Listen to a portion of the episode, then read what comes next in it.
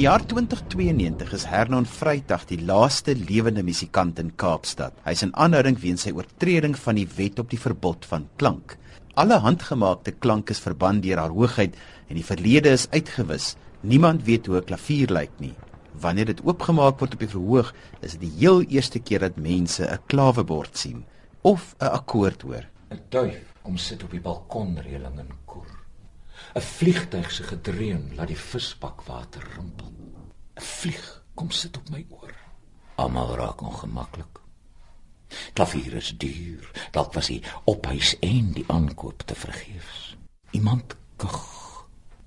My hande is sweterig. Dan kug iemand weer.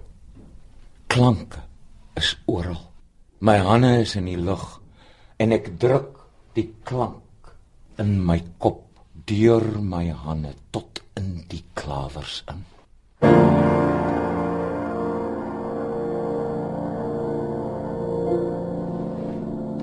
Die eerste akkoord was 'n mengsel van veraf gerammel van donderweer se basklanke en die vlieg.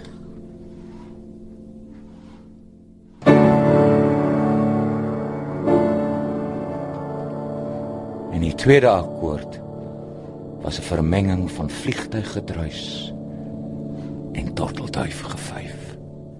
Hierdie wenner van die uitskieterproduksie Woordtrofee in 2013 word tans weer op Stellenbosch opgevoer. Die produksie word nie op 'n tradisionele verhoog opgevoer nie, maar onder in 'n kelder onder die PJ Olivier Kunstsentrum op Stellenbosch. Marie Borslap is die regisseur en beskryf vir ons die ruimte. Dit is 'n ou kelder onder 'n kunstskool wat ons nogal deur 'n interessante paar leidrade gevind het. Dit ehm um, het nogal 'n gevoel van soos 'n ou oorlogruïne, soos ek soms dink. Dit is donker en vol hoekies en draadjies en lang gange en die die ruimte is intiem maar maar tog is dit ook voel dit asof mens vir ewig kan aangaan as jy net aanloop en aanloop amper soos 'n grot onder die grond stof grondvloere die tekstuur van die ou ou spinnerakke en die bakstene grove bakstene ja dis min of meer hoe die spasie binne in lyk like. en dat ons natuurlik 'n pragtige ou klavier hier ingedra en daar's oral wonderlike ou kunswerke wat oor die jare by hierdie kunstskool gemaak is wat dan nou op die ouend in hierdie begrafplaas van kuns opeindig. So oral waar jy gehoor deur die vertrekke stap, sien jy hierdie pragtige ou kunswerke. Dit was nog altyd vir my 'n groot behoefte om 'n teaterervaring te skep wat nie noodwendig net gaan oor die jy weet die vierde muur en ons kyk in nie. Dit is vir my as 'n baie sensoriese mens lekker om te kon dink of te kon speel met die idee van om 'n teaterervaring te skep waar mens regtig voel jy is in iets, jy's deel van 'n gebeurtenis. En ons smokkel bietjie met die met die gehoor se kop en ek hou van daai idee dat mens moet die gehoorlid op 'n manier aktief betrokke maak by wat besig is om te gebeur. So jy daag op en jy word onmiddellik hanteer asof jy genooi is en nie noodwendig net 'n kaartjie gekoop het nie. En dan begin die gehoor op 'n amper 'n subconscious manier besef maar hierdie kan moontlik die toekoms wees. So vir my voel dit of ons 'n installasie kunswerk wou skep en dat mense dan deel raak van hierdie kunswerk met die tema natuurlik van musiek en kuns wat vir, vir my baie belangrik is. Tel ons 'n bietjie van die proses wat jy deurgegaan het om hierdie stuk te skep. Dit is vir my natuurlik 'n groot voorreg om saam met Chris te kan werk. Hy's geweldig professioneel. Ons het na 'n klomp op en af op die eind vir Chris ontmoet en hy het net soos 'n handskoen gepas by wat hier gebeur. Ek dink hy verstaan die teks en en die karakter baie goed. Hy's geweldig kreatief en tog is hy so oop om spelleiding te ontvang. Nie dat hy noodwendig dit nodig het nie, maar ek dink partymal as 'n regisseur weet hy mos waar wil hy dinge beklemtoon en waar miskien 'n bietjie sagter of 'n bietjie harder en ek en hy baie goed oor die weg gekom vandag een af ons sit 'n baie lekker kreatiewe energie van neem en gee en ja, dis net pret. Ek dink ons lag ook baie wat wonderlik is alhoewel dit nogal 'n redelike ernstige stuk is. Maar dan ook partymal aan die einde van 'n vertoning kan ons net vir 'n oomblik stil raak en kyk vir mekaar met met trane in ons oë want dit raak mens nogal diep al sien jy dit weer en weer. Ruimte spesifieke teater versprei soos 'n veldbrand deur Suid-Afrika. Mense is gefassineer met die idee. Wat het vir jou aangetrek daarna toe? Ek dink ons lewe in 'n tyd waar mense konstant met soveel, jy weet, visuele en allerlei verskillende mediums gebombardeer word en om teater vernuwend te hou en om dit vir mense interessant te maak, dink ek is ruimtespesifieke werk essensieel want jy voel nie net asof jy 'n vertoning kom kyk en dan gaan jy maar huis toe nie. Daar's iets waarvan jy fisies deel geraak het in 'n spasie wat jou hopelik op 'n ander manier laat laat kyk na die storie maar ook na wat teater kan wees. Ek dink ons wonderlike moontlikhede in in dit opgesluit. Chris van die Kerk vertolk die rol van Hernon Vrydag, die laaste lewende musikant. Ek dink hy is een van die mense wat ek al in teaterstukke teëgekom het wat die meeste omgee vir die kuns vir watter kuns ook al dit maak nie saak waaroor dit gaan nie. Hy is nie net 'n kampvegter nie hy's baie meer as dit. Vir alle forme van kuns want dit is wat hy probeer aan mense duidelik maak op die oomblik is dat as ons nie nou oppas nie dan gaan daar vir ons geen kuns oorbly nie. En hy's 'n passievolle man hy's 'n passievolle musikant ek vind hom 'n wonderlike karakter want ek dink hy's deur die stelsel is hy verskriklik kwaad gemaak hy's woedend want vir 30 jaar, 40 jaar werk hy in 'n boontjiefabriek en hy was die land se voorste fuelers. So ek dink die woede in hom is enorm, maar ek dink ook dat daai woede is deur 40 jaar in 'n boontjiefabriek getemper tot iets wat baie duidelik en baie helder is. Chris om hier te speel, ons het nou mooi geluister presies hoe dit lyk. Die luisteraars het 'n goeie idee in hulle koppe. Wat uitdagings bring dit vir 'n akteur om in so 'n ruimte te moet speel? Nommer 1 die feit dat jy ook op elke dag daar stik en stamp teen iets wat laer is as jy.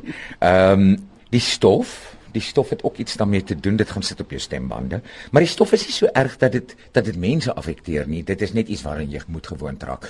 Die feit dat dit baie klein ruimte is en dat dit so ongelooflik intiem is. Jy kan fluister in hierdie plek en jy kan elke ding kan jy hoor. As die klavier 'n geluid maak Daar's 'n wonderlike toneel waar hy by die binnekant van die klavier aan die snare pluk in te kere gaan en sê kyk selfs die dop van die instrument het iets musikaals in. En jy hoor as jy die pedaal plat trap, dan hoor jy dit die binnekant.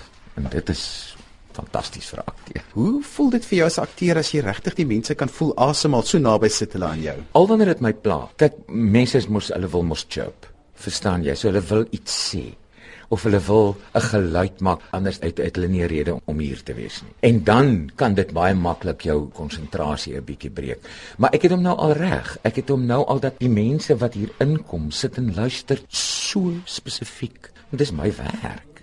As ek daar gaan staan voor hierdie 25 mense wat hier inkom en ek gee vir hulle my absolute konsentrasie en ek konsentreer op hulle en ek kyk vir hulle in die oë en ek kyk na hulle hande as ek praat oor hulle hande. Dan trek jy mense so in die storie in en die man se rede in, die man se rede vir lewe, sy rede vir hier wees in. Dat ek dink die mense te keuse as om die lewe vir jou as akteur dan maklik te maak nie. As ek sien ek kan selfs nog sagter praat. Ek kan selfs nog meer fyner werk as akteur dan maak dit my baie opgewonde. Christa, ek onthou toe ek die stuk gesien het, dit my gevoel ek stap in op iets wat al lank terug begin het en jy stap in op die hoogtepunt van die stuk. Vertel 'n bietjie vir ons van die proses want hierdie stuk is baie baie kort ook. Dit is kort, dit is 40 minute. Ons moet onthou dit is sy teregstelling. Hy is hier om tereggestel te word vir sy musiek. Dit is my baie interessant dat jy noem dit voel vir jou asof jy in die middel van 'n ding instap. Miskien is dit omdat die gewig van die afgelope 40 jaar se verbanning van klank en musiek en kuns hang so swaar aan die stuk dat miskien is dit hoekom dit voel asof jy reg in die middel van 'n enorme gebeurtenis inloop. Ek is nie seker nie, maar ek dink dit het ook te doen met die feit dat dat die ruimte so so beperk is dat jy voel as akteur jy moet die mense se konsentrasie absoluut by jou hê. En miskien is dit hoekom dit voel asof dit 'n lang ou storie is en nie net 'n ding wat vandag gebeur het. Chris, vertel vir my wat sê mense wat die stuk gesien het? Mense sê dit is 'n ongelooflike ervaring. Ek het met akteurs gepraat wat hier was en met die publiek natuurlik. Ek bedoel daar was mense wat gesê het hulle het nog nooit in hulle hele lewe so iets beleef nie. Ek weet daar was 'n akteur hier wat gesê het vir hom uit uit in Engels gesê the most complete theatre he has ever seen. Elke sintuig word tot sy uiterste ingespan. Jou gehoor word ingespan, jou oë, want jy het 'n maskertjie op natuurlik wat jou ook beperk. Jy hoef hom natuurlik nie aan te hou nie, maar net om rond te kyk in hierdie plek, want jou oë moet travel en jy dink, hoe oud is die plek? Hoe lank sukkel ons al om klank en musiek te maak? 40000 jaar gelede is die eerste klank gemaak en nou wil ons alles verban. Dis my een van die interessantste toneelstukke wat ek in my lewe nog in was. Ek kom sit hier en ek sit seker vir 'n halfuur voordat die mense inkom. In teen die tyd wat die mense geluister het na haar hoogheid en hulle het deurgestap in die klein venue in, het daar iets oor my gekom as akteur wat ek nog nooit beleef het. 'n Vrede en 'n opgewondenheid omdat jy weet dat wat jy vanaand hier aanbied is die beste wat jy kan aanbied. Is die beste wat Suid-Afrikaanse teater kan aanbied. En ek sê nie dis beter as iemand anders te sê nie. Al wat ek sê is dit is uitstekende kwaliteit. En om deel daarvan te wees en om te gewerk het met 'n met 'n regisseur soos Marie, is 'n eer. Dis meer as 'n eer. Want dit is waarvoor ek my hele lewe lank gewerk het. Ek het gewerk om hierdie tipe werk te kan doen. Ja, die klugte is ook belangrik. En dis baie belangrik dat mense lag. Dis wonderlik. En daar speel jy vir 500 mense. Hier speel ons vir 25. Maar dit is vir my van die belangrikste teater wat ek in my lewe nog gedoen het, ja. Die stuk is deur Wilken Kalitz geskryf. Wilken, waar kom die idee van die stuk vandaan? Dit was 'n 2 jaar gelede en ek was besig om 'n stuk te skryf vir 'n ander doel en dit was veronderstel om 'n eenman stuk te wees en dit het nie uitgewerk nie en ek het 7 of 8 draads gehad van een stuk en toe sit ek eendag met Marie Borslap wat nou my vrou is, het ook die regisseur van die stuk. En sy sê toe vir my, "Maar jy skryf nie oor iets wat vir jou passievol is nie." En sy sê, "Gaan huis toe, skryf iets oor 'n musikant." En toe dink ek, "Ag, oh, yes, okay, dis miskien 'n goeie idee." En ek gaan toe huis toe en van 3 en 2 dae sit ek net en skryf oor die laaste musikant in Suid-Afrika, dis 'n toekomstige stuk. En toe dit begin skryf, toe kom ek agter, dit lê my regtig naby in die hart is die bou van musiek en dit is toe die begin van God van klank. Musiek is uit die hart van die saak my eerste liefde. Dit handel baie oor die oor die geskiedenis van musiek. Dit handel oor die gevaar wat musiek inhou. Ons ons almal ken die storie van John Lennon en die teorie dat hy dalk in 'n sluipmoord dood is ehm um, as gevolg van sy invloed ehm um, met die Vietnamoorlog. En ons almal ken die stuk van Tchaikovsky, die 1812 ouverture wat uitnet polities gedrewe is en ook die Russiese skool van die 20ste eeu wat baie militaristies en polities uh, gedrewe was. So musiek het 'n geweldige invloed op die mens en politiek en dit was my belangrike ding om te ondersoek. Wat gaan gebeur wanneer politiek uiteindelik die oorhand kry en wat gebeur as ons dit nie oppas nie. So daai twee goed lê vir my baie nou verweef en dit vir my 'n lekker naderdraai in die maag gegee om uiteindelik musiek met teks te kan kombineer. In sy laaste betoog word die gehoor tot insig gebring oor die nou verweefde band tussen geskiedenis, klank, lewe, stilte en die dood. Miskien oor 40000 jaar.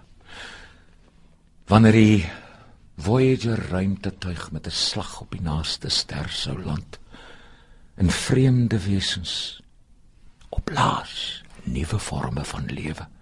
Nuuskierig rondkom snuif.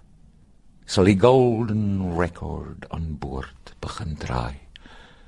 Die naald gemoedelik skuif oor onvernietigbare uraniumgroefies sorgvuldige keer gemelaanse troumusiek is daarop. Aboriginiese dansie. Johnny b. Good van chuck berry. Selfs 'n boodskap van jimmy carter En dan wanneer die naald gereed is om af te glip, een snit vir al die musikante op aarde.